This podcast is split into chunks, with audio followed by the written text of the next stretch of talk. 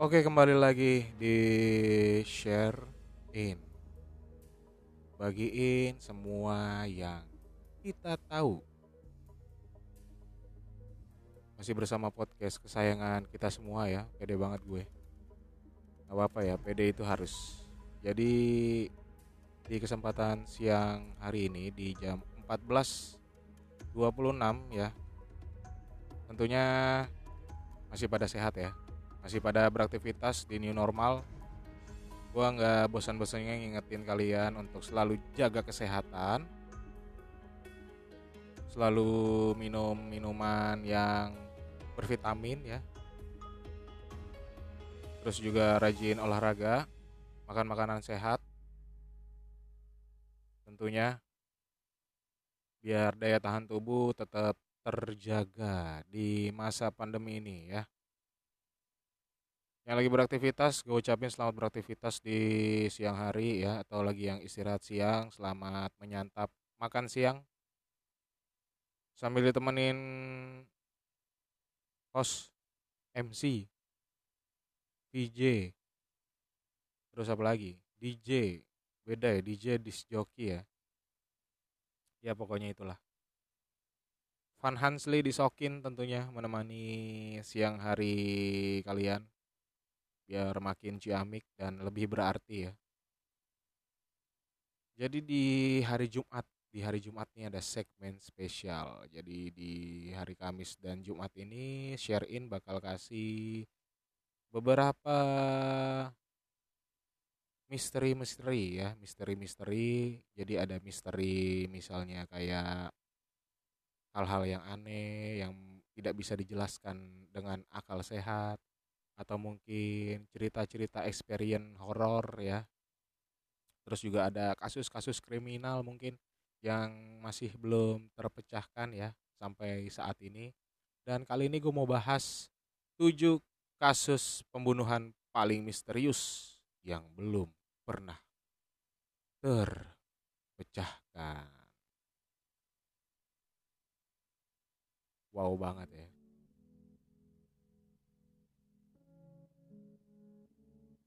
Seperti biasa backsoundnya ya ada backsound jadi biar gak kaku-kaku banget ya pembahasannya. Kita ditemenin kali ini sama Billy Ellis nih. Judulnya tuh Everything I Wanted ya. Jadi let's enjoy dulu. Sebelum masuk ke pembahasannya ya siapkan diri kalian. Siapin popcorn popcorn emang di bioskop? Ya apalah cemilan ya. Lidi-lidian kayak atau makaroni ya. Lidi-lidian masih ada nggak sih sekarang? Masih ya? Apa ini? Eh apa sih tuh? Aduh lupa. Tar aja lah lupakan lah ya. Nggak penting juga. Enjoy dulu ya. Barengan Billy Ellis nih. Nanti kita balik lagi. Mantap. Mantap dong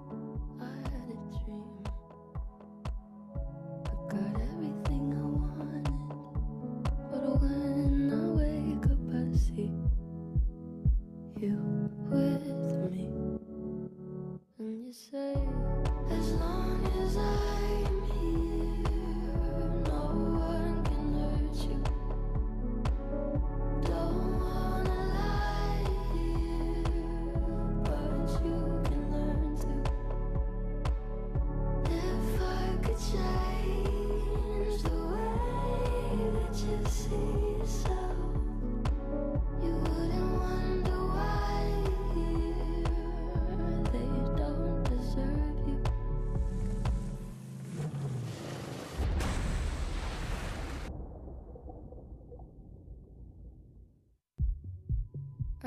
to scream, but my head was underwater. They called me weak, like I'm not just somebody's daughter. It could have been a nightmare, but it felt like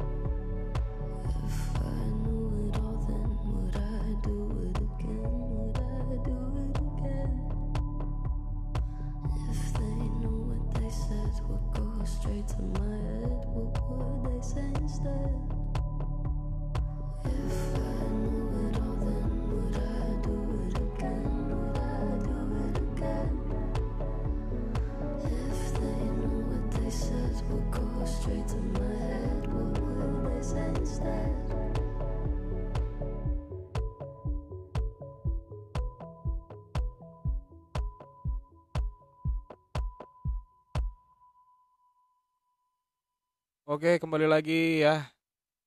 Tadi Billy Ellis sudah nemenin kita dengan Everything I Wanted-nya. Jadi kali ini kita masuk ke topik pembahasan. Wis. Stop senyum-senyum ya. Jangan tawa-tawa, jangan cengir-cengir karena ini nih wah serem banget sih. Serem banget. Jadi di sini gue membahas tujuh kasus pembunuhan paling misterius yang belum pernah terpecahkan. Jeng jeng jeng jeng.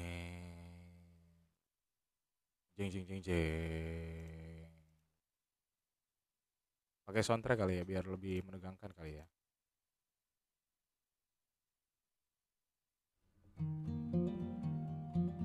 Loh, kok country?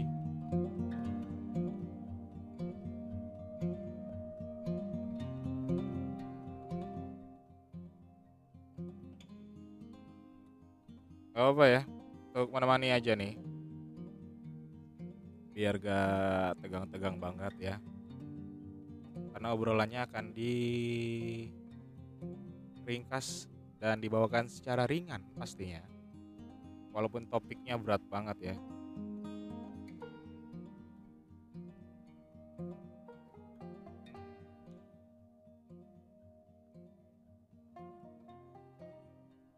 Jadi yang pertama itu ada kasus dari Jack the Ripper ya. Jack the Ripper kalian mungkin pernah dengar ya.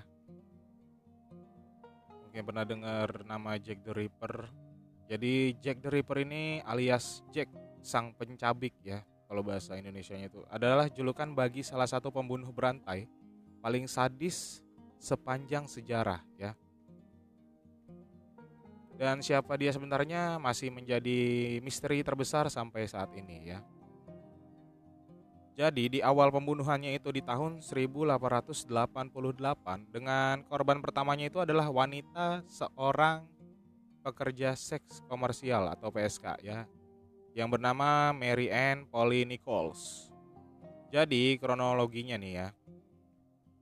Si Mary ini itu terakhir kali terlihat dalam kondisi hidup pada 31 Agustus 1888 sekitar pukul 2.30 dini hari ya. Jadi kala itu ya berdiri di pojokan ya gelap, pojokan gelap gitu ya biasalah PSK PSK kan mencari penglaris. Jadi antara Osborne Street jadi Jalan Osborne dan Whitechapel Road. Terus tiba-tiba ya sejam kemudian tuh ia ditemukan tewas jasadnya ditemukan oleh kusir kereta kuda yang bernama Charles Allen Blackmer jadi setelah berarti sejam kemudian tuh sekitar setengah empat kali ya setengah empatan setengah empat dini hari menjelang pagi berarti. Ditemukan oleh ini nih kusir kereta kuda ya. Jadi mungkin dia lagi jalan karena mungkin mencolok banget gitu jasadnya di pinggir jalan ya. Jadi jasad si Mary Ann ini ditemukan dengan kondisinya ya, kondisinya itu roknya terangkat ke atas dan ada beberapa luka sayatan pisau di tubuh itu, di tubuh si Mary ini. Dengan sejumlah organ dalamnya yang termutilasi. Jadi wah sadis banget sih, benar-benar psikopat ya.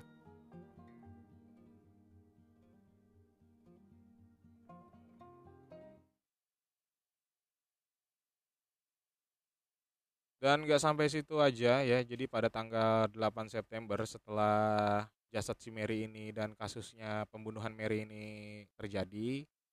Jadi di 8 September itu jasad kedua ditemukan bernama Annie Chapman. Dia ini juga seorang pekerja seks komersial ya. Dan terjadi kembali kurang lebih sekitar tiga minggu setelah si Annie Chapman ini ditemukan pada 30 September ya.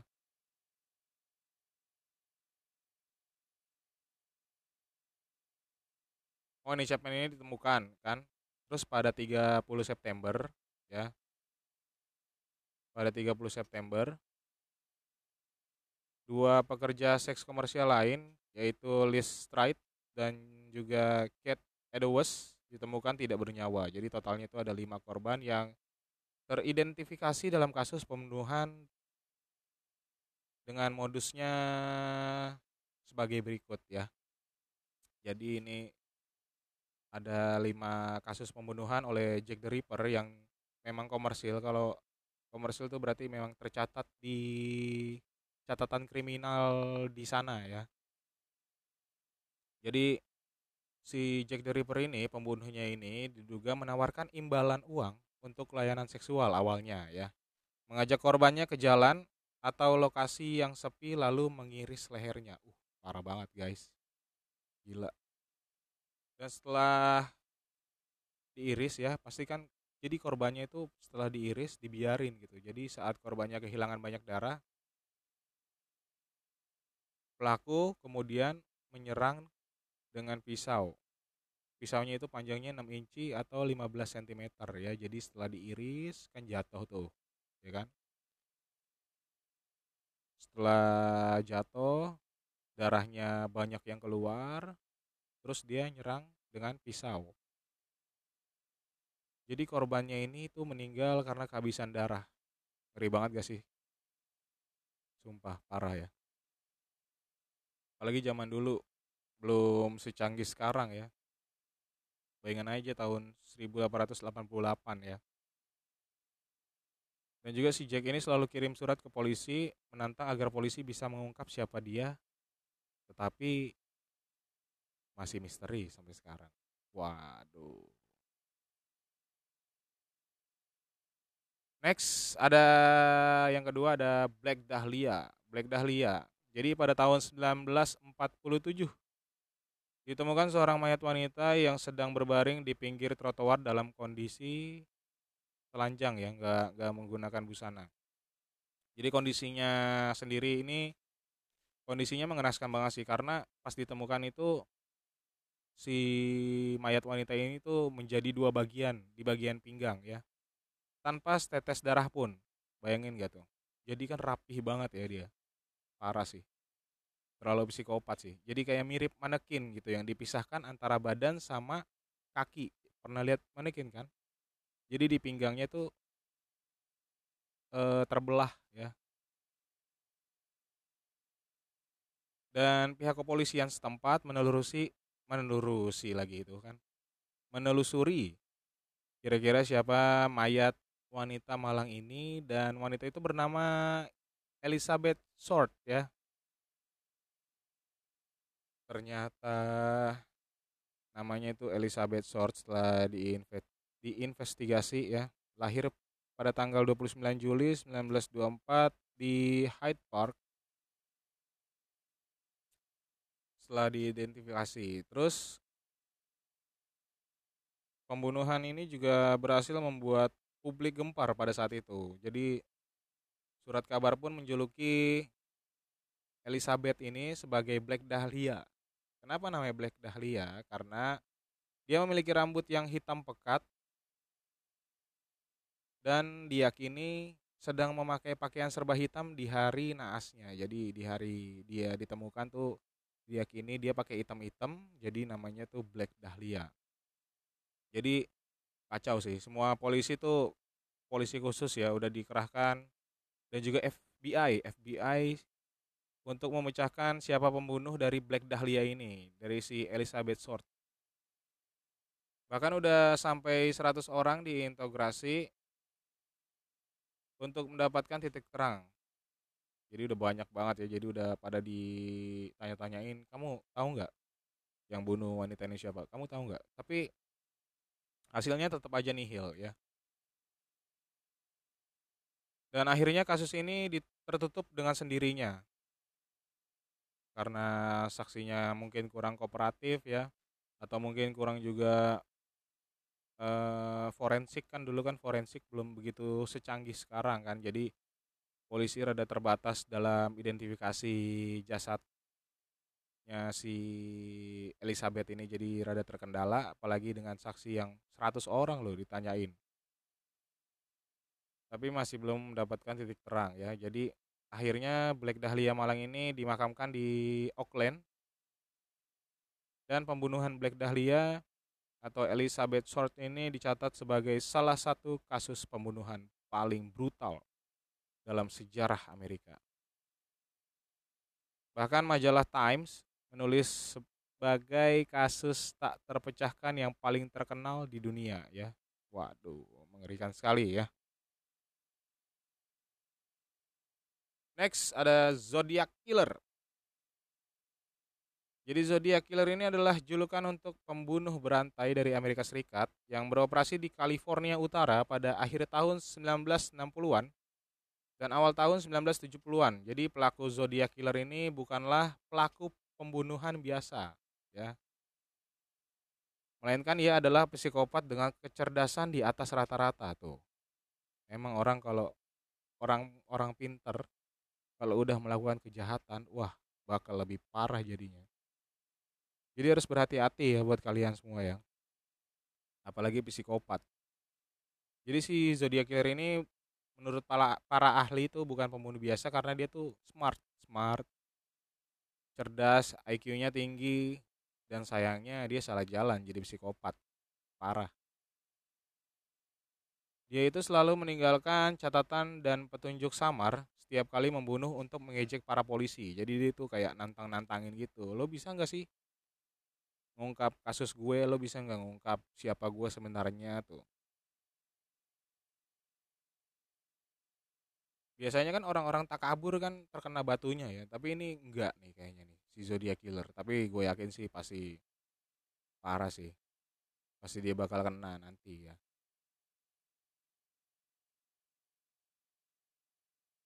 Dan suratnya ini atau catatannya ini biasanya tuh berisi kode-kode. Berisi kode-kode yang gue yakin sih cuman dia sama Tuhan yang tahu fix. Karena polisi pun sulit banget dia untuk memecahkan kode-kodenya dan kayaknya menurut gue ini dia tuh punya sebuah star syndrome ya atau narsistik. Jadi pada saat diberitakannya pembunuhan yang melibatkan si Zodiac Killer ini dia tuh jadi semakin semakin apa ya semakin pede gitu semakin kayak ada pencapaian gitu. Itu tuh rata-rata psikopat ya semakin pede, semakin ngejek-ngejek polisi, semakin ayo dong, ayo dong, ayo dong, ungkap gue dong gitu. Sedikitnya itu ada lima kasus pembunuhan yang tercatat secara resmi ya, secara resmi. Tetapi yang lebih kontroversial tuh ya, si Zodiac Killer ini dengan terang-terangan dia memberitahu kalau dia udah membunuh sampai 37 orang. 37 orang. Wow. Fix gak ada obat sih, nggak ngerti lagi sumpah. Dan menurut ahli kejiwaan, pelaku zodiak killer ini memang seorang dengan mental psikopat cerdas dan juga yang tadi gue bilang narsistik ya. Jadi bahaya banget kalau orang orang-orang pinter itu udah melakukan kejahatan, wah bahaya sih. Jadi harus apa ya? Janganlah ya. Ngapain sih? Harus tetap berakhlak baik tentunya. Membantulah untuk sesama apalagi kalian mungkin ada orang-orang yang punya bukan kalian ya. Mungkin ada orang-orang yang punya kepintaran lebih ya. Tapi banyak juga sih yang yang menggunakan kepintarannya untuk orang banyak. Yuk, kita applause dulu. Beri tepuk tangan yang meriah. Jangan ditiru nih si Zodiac Killer ya. Ia juga melakukan pembunuhan nih ya karena memang ia sangat menyukainya gitu. Jadi kalau setahu gue tuh psikopat kalau misalnya dia ngebunuh dia akan terus ngebunuh sampai sampai apa yang dia capai itu terpenuhi. Jadi dia nggak bakal berhenti sampai apa yang dia tuju tuh terpenuhi. Setahu gue sih gitu ya. Jadi tetap waspada buat kalian semua ya. Dan kabarnya tuh hingga detik ini belum ada satupun tersangka yang dikonfirmasi sebagai Zodiac Killer. Meski demikian, kepolisian San Francisco masih terus menyelidiki kasus ini sampai sekarang. Wow. Semangat ya Pak Polisi Francisco. Semoga bisa memecahkan ya walaupun udah telat banget seenggaknya nggak bikin penasaran gitu kira-kira siapa sih ini karena kasihan juga ya korban-korbannya ya Oke, and the next, and the next, next, next di urutan keempat ada Tupac Shakur. Ada yang pernah tahu Tupac Shakur?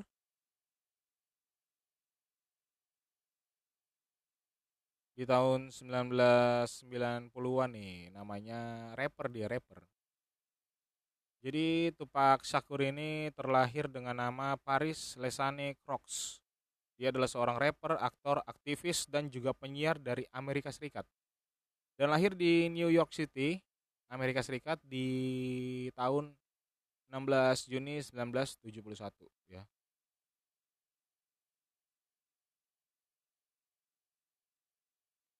Rapper yang terkenal dengan album pertamanya Tupacalypse Now. Ini mendapat pujian dan kecaman karena liriknya yang kontroversial ya. Jadi kayaknya sih di zaman-zaman itu tuh lagi banyak banget perang-perang antar geng ya. Apalagi kita tahu kan kehidupan rapper tuh kayak gimana, keras ya kan. Drugs. Drugs, money, uang, cewek ya, kekuasaan wilayah. Jadi sangat kental sekali kayaknya waktu zaman itu ya. Jadi kronologinya tuh pada saat kejadian Tupac masih berada di dalam mobil BMW seri 7. Yang gue dapat dari laman Detik ya. Detik.com. Jadi penembakan itu terjadi di tanggal 7 September tahun 1996 tepatnya jam 11.15 malam. Jadi saat Sakur dan Kenaik berhenti di lampu merah nih di East Flamingo Road. Road apa road? Road kayaknya ya. Sorry, sorry. Sakur di Brondong 4 peluru kaliber 0,40 yang menyasar di dada, satu di lengan, dan satu di paha. Tiga berarti ya. Berarti empat ini yang yang terakhir meleset nih kayaknya. Lalu setelah terjadi penembakan kan pasti ramai tuh ya kan. Akhirnya datanglah polisi itu kan menyelidiki dia. Setelah itu polisi mulai menyelidiki siapa pelakunya penembakan Tupac Sakur ini. Udah diinvestigasi segala macam, identifikasi kan, saksi-saksi ahli, saksi yang ada di kejadian.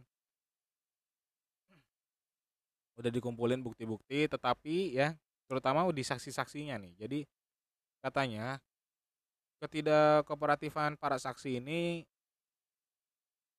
jadi membuat kasus ini menjadi semakin sulit gitu untuk dipecahkan.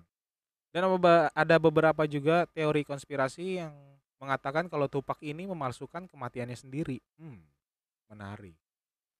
Jadi kayak ini, ingat gak uh, rapper yang baru-baru ini terkenal, uh, Juicy WRLD kalau nggak salah dia juga sempat memalsukan kematiannya kalau nggak salah sih apa dia emang meninggal ada juga satu lagi rapper ya tapi gue lupa namanya siapa jadi akhirnya tuh kasus ini tuh berakhirnya abu-abu gitu jadi berbayang-bayang ya ada beberapa halaman juga yang mengatakan kalau sebenarnya nih detektif yang pernah menangani kasus Tupak sudah mengetahui siapa pelakunya. Wah, sudah mengetahui kan. Tapi masih belum bisa diungkapkan hingga sekarang. Waduh, bingung juga ya. Masih misteri berarti sampai sekarang. Oke next, yang kelima ada John Bennett Ramsey. Jadi John Bennett ini lahir pada tanggal 6 Agustus 1990 di Atlanta, John Bennett ini mulai mengikuti ajang kontes kencati, kecantikan sejak usia lima tahun oleh ajakan ibunya. Jadi dia tuh ikut kontes-kontes kecantikan ya. Dari kecil berarti udah entertain banget kan. Dan juga pasti cantik banget ini anaknya. Dia juga udah memenangkan beberapa kali kontes kecantikan. Uh, bener kan? Jadi kronologinya tuh si John Bennett Ramsey kecil ini ditemukan ditemukan di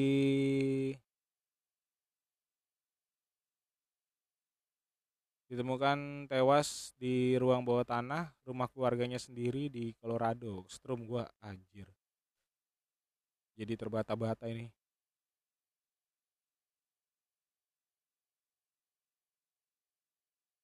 Jadi lingkungan rumahnya yang biasa aja waktu itu tenang ya, santai.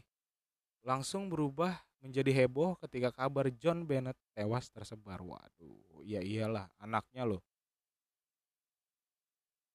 Jadi kabarnya John Bennett ini dibunuh dengan cara dipukuli dan juga dicekik. Dan disumpal mulutnya dengan lakban pada hari setelah Natal di tahun 1996. Aduh, kesian banget loh. Sedih banget gak sih?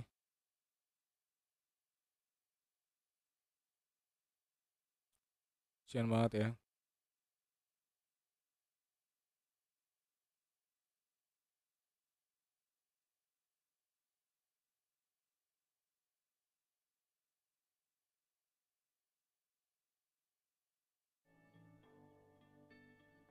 Terus tunggu tunggu tunggu.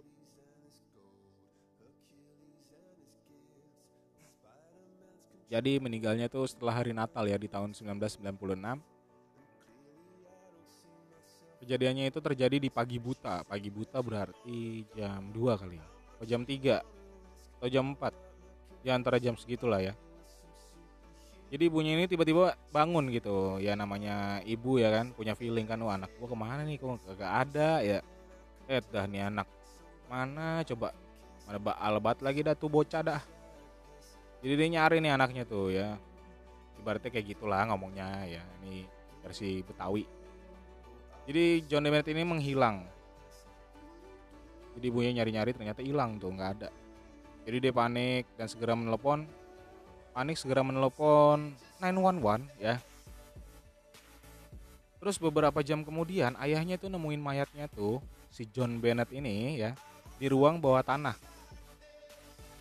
Pasti orang-orang curiganya keluarga sendirinya ya yang ngebunuh tuh. Karena ya gimana ya orang ditemuinya di ruang bawah tanah rumahnya sendiri kok rumah keluarganya jadi setelah itu gempar tuh kan dan kasusnya sih masih masih jadi misteri ya siapa yang ngebunuh itu tapi ada kabar juga kalau pembunuhnya itu kalau pembunuhnya si John Bennett ini udah ketangkap setelah 22 tahun ya. Jadi setelah 22 tahun dia bebas, free ya kan. Dia akhirnya tertangkap oleh kepolisian, tapi ada sedikit berita validnya sih. Jadi gue belum nemu apakah pembunuhnya ini beneran ketangkep atau memang cuman baru kabar-kabar yang beredar doang ya mungkin nanti akan gue bahas si John Bennett Ramsey ini di next episode ya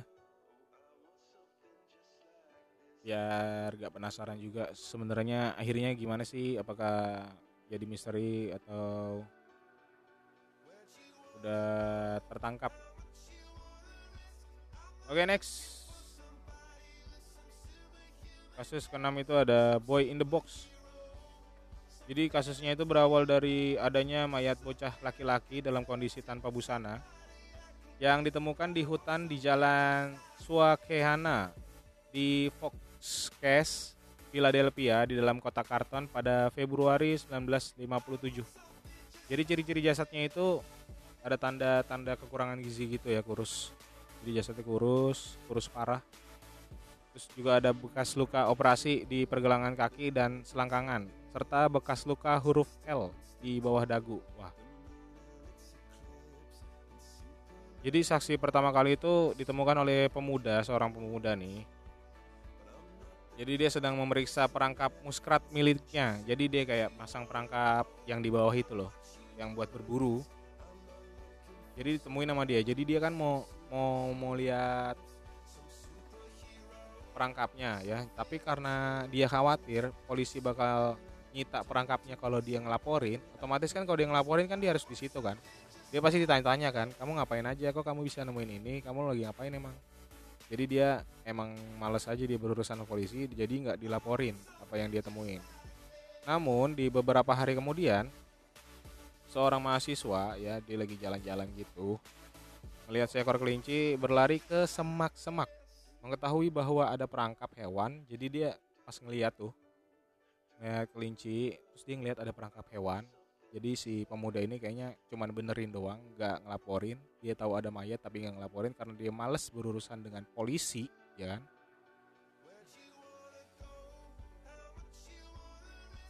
karena dia mengetahui ada perangkap hewan nih si mahasiswa ini dia menghentikan mobil ya. Mungkin mau nolongin kelinci kali ya. Kali kan kelinci ya mungkin kena si perangkapnya si pemuda ini nih. Jadi dia hentiin mobil dia mau ngeliat-liat ya kan? Wah kelinci ke mana ya? Coba aku lihat. Nah nggak sengaja dia nemuin mayatnya si bocah itu. Dia sebenarnya juga enggan sih untuk berhubungan dengan polisi tapi dia keesokan harinya melaporkan apa yang ditemukan kepada polisi. Dan akhirnya polisi datang dong ya kan? Datang investigasi dan dari hasil investigasi kepolisian itu terdapat zat gelap ya di kerongkongannya. Zat gelap zat gelap ini kayaknya sih kayak semacam apa ya? Obat gitu kali ya. Soalnya diindikasikan nih kalau dia tuh sempat muntah si bocah ini sebelum meninggal. Terus pemukulan di kepala itu menjadi penyebab dari kematian bocah dalam kotak ini. Dia sempat dipukul terus masukin ke karton sempat muntah juga baru akhirnya meninggal. Mungkin ya. Tidak ada tapi anehnya nih ya gak ada orang pun yang datang untuk identifikasi mayat bocah ini jadi nggak ada yang ngaku biasanya kan kalau ada penemuan jasa tidak dikenali kan pasti polisi atau pihak berwajib memberikan selebaran selebaran selebaran ya. Kiranya ada nggak nih yang kehilangan anak? Anaknya ini loh ditemukan meninggal di sini sini sini sini. Tapi ini nggak ada nggak ada yang datang nggak ada yang nyamperin. Dan sampai saat ini pun pelakunya itu belum diketahui. Dan juga siapa bocah ini tuh nggak ada yang tahu ngeri banget ya bahaya bahaya cuy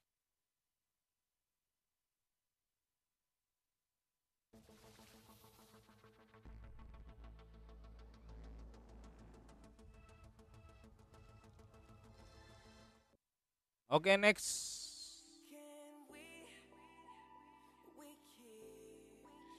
Di next ada keberapa nih? Ketujuh ya, ya lupa. Ketujuh ada Icebox Murders atau Murders atau pembunuhan kulkas ya. Jadi pada tanggal 23 Juni itu 1965 petugas patroli Houston itu melakukan kunjungan ke rumah pasangan lansia si Fred sama Edwina Rogers. Sesampainya di sana tuh mereka menemukan sebuah bukan sebuah sih. Jadi kayaknya sih si Pak polisi ini tuh udah kenal lama kayaknya sama sama si Fred sama Edwina ini. Karena kan sering mundar mandir dia kan. Pasti lewat situ dan biasanya sih mungkin dia ngelihat biasanya rumah ini ada aktivitasnya. Tapi kok tiba-tiba rumah ini kosong. Jadi si pak polisi ini nih berpikir berpikir kalau mungkin ah lagi jalan keluar kali ya kan? Dan ketika salah satu dari mereka memutuskan untuk memeriksa kulkas jadi kayaknya sih pintunya nggak dikunci jadi si pak polisi itu masuk. Namanya polisi kan apalagi yang tinggal di situ kan lansia ya kan? Jadi takut kali ya terjadi apa-apa dengan mereka jadi akhirnya si pak polisi ini mulai menelusuri rumah dan akhirnya dia menemukan sebuah kulkas. Entah feeling apa gimana ya dia pengen banget tuh buka kulkas itu. Dan ternyata bener feelingnya kuat. Jadi dia tuh menemukan Fred sama Edwina itu udah terbunuh dengan tubuhnya itu dimasukkan ke dalam kulkas ya. Jadi dibungkus dengan plastik dan rapi. Serem banget sumpah. Bahaya banget sih. Parah sih nggak ngerti lagi. Ada banyak juga darah-darah yang ditemukan ya. Justru kecurigaannya itu semakin besar ya. Apalagi setelah ditemukan jasadnya nih jadi si pasangan lansia ini dipotong-potong jadinya kayaknya nih terus potongan tubuhnya tuh dimasukin dalam kulkas. Aduh parah parah. Dan setelah diselidiki nih oleh polisi rupanya si Fred dan Edwina ini udah dibunuh seminggu sebelum mayatnya disembunyikan di dalam kulkas. Berarti wah lumayan lama ya. Lumayan loh.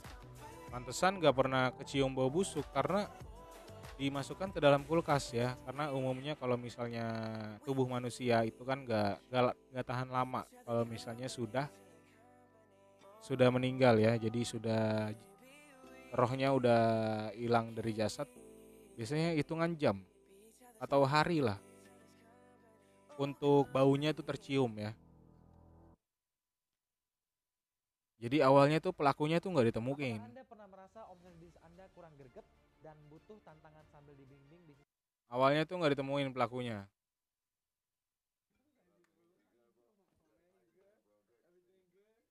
Namun tak lama kemudian tuh polisi menetapkan tersangka utama dari kasus pembunuhan ini tuh si Charles ya.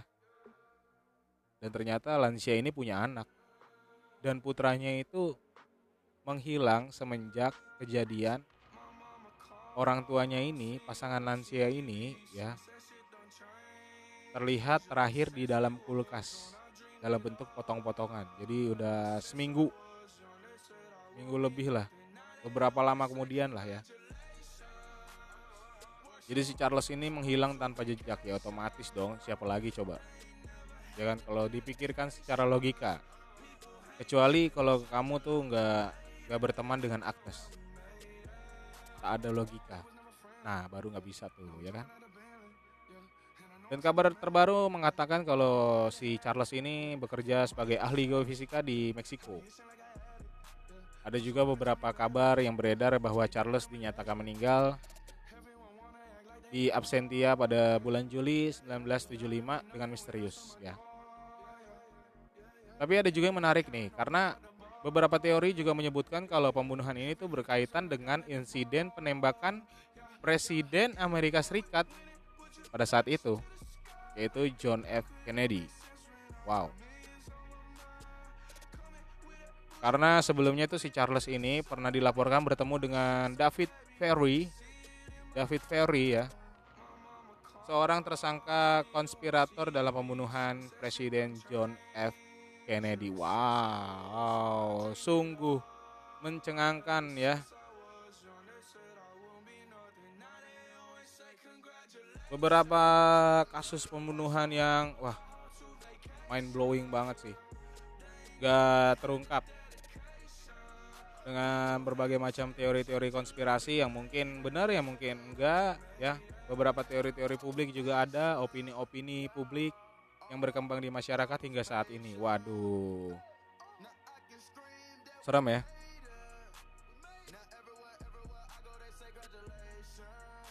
Jadi itu ya pembahasan kali ini tentang tujuh kasus pembunuhan misterius yang kayaknya sih sampai sekarang masih belum terpecahkan ya. Belum ada titik terang yang bisa menerangi kasus-kasus tersebut dari tujuh itu.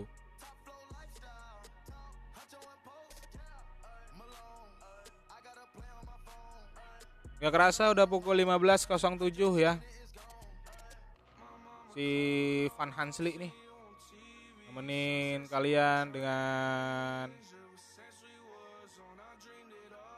segmen misterinya ya. Semoga kalian dapat informasi yang berharga. Semoga kalian bisa banyak tahu ya seperti podcastnya share in bagikan dong bagiin nih nih gue bagiin buat lu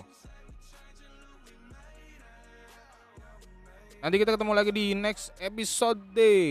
Next episode ya bakal lebih alit sih gila sih, lebih dari ini pasti. Jadi tungguin aja ya, bakal muncul-muncul kembali pembahasan-pembahasan. Gak cuman kasus-kasus misteri, ada horror experience juga. Ada tentang cinta ya buat kaula-kaula muda. Ada juga lifestyle, pengalaman hidup. Terus mungkin juga nanti ada bakal uh, guest guest star ya. Atau tamu-tamu yang gue undang untuk berbagi kisahnya, berbagi pengalamannya, berbagi experience horornya untuk kalian semua. Bisa dong. Ah, apa sih yang nggak bisa ya? Asal kita mau berusaha, asik. Jadi itu aja. Selamat hari Jumat ya. Besok weekend ya. Sabtu Minggu libur cuy. Mantap. Istirahat yang cukup ya. Main game secukupnya. Terus istirahat juga harus cukup karena sesuatu yang berlebihan itu tidak baik ya walaupun itu bermanfaat bagi tubuh kayak minum aja minum air putih kan bagus kan buat tubuh tapi kalau berlebihan wah karena ada kasusnya juga tuh. Pokoknya next episode bakal bahas juga banyak banget sih ya. Sabtu Minggu kayaknya kita seru-seruan aja deh kali ya. Topik-topik ringan ya yang dibawain dengan santai dan serius tentunya. Serius tapi santai santai tapi serius. Ya apa aja lah ya. Pokoknya yang penting kalian terhibur lah terhibur apa seneng? Apa dapat informasi? Semoga semuanya ya. Jadi gue Fanansli pamit undur diri.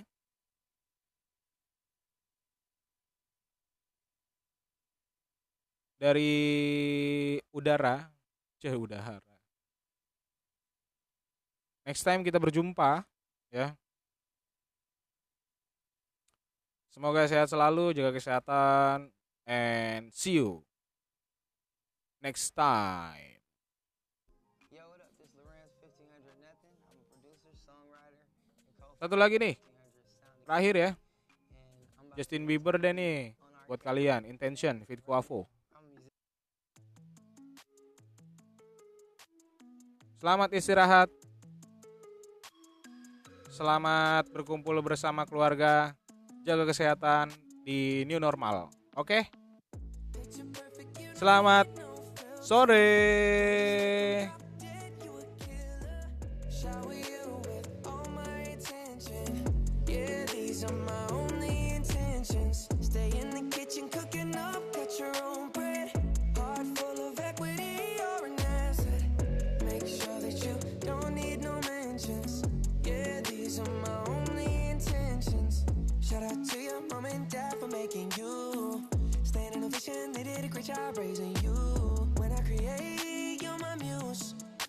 kind of smile that makes the news. Can't nobody throw shade on your name in these streets. Triple threat, you a boss, you a bank,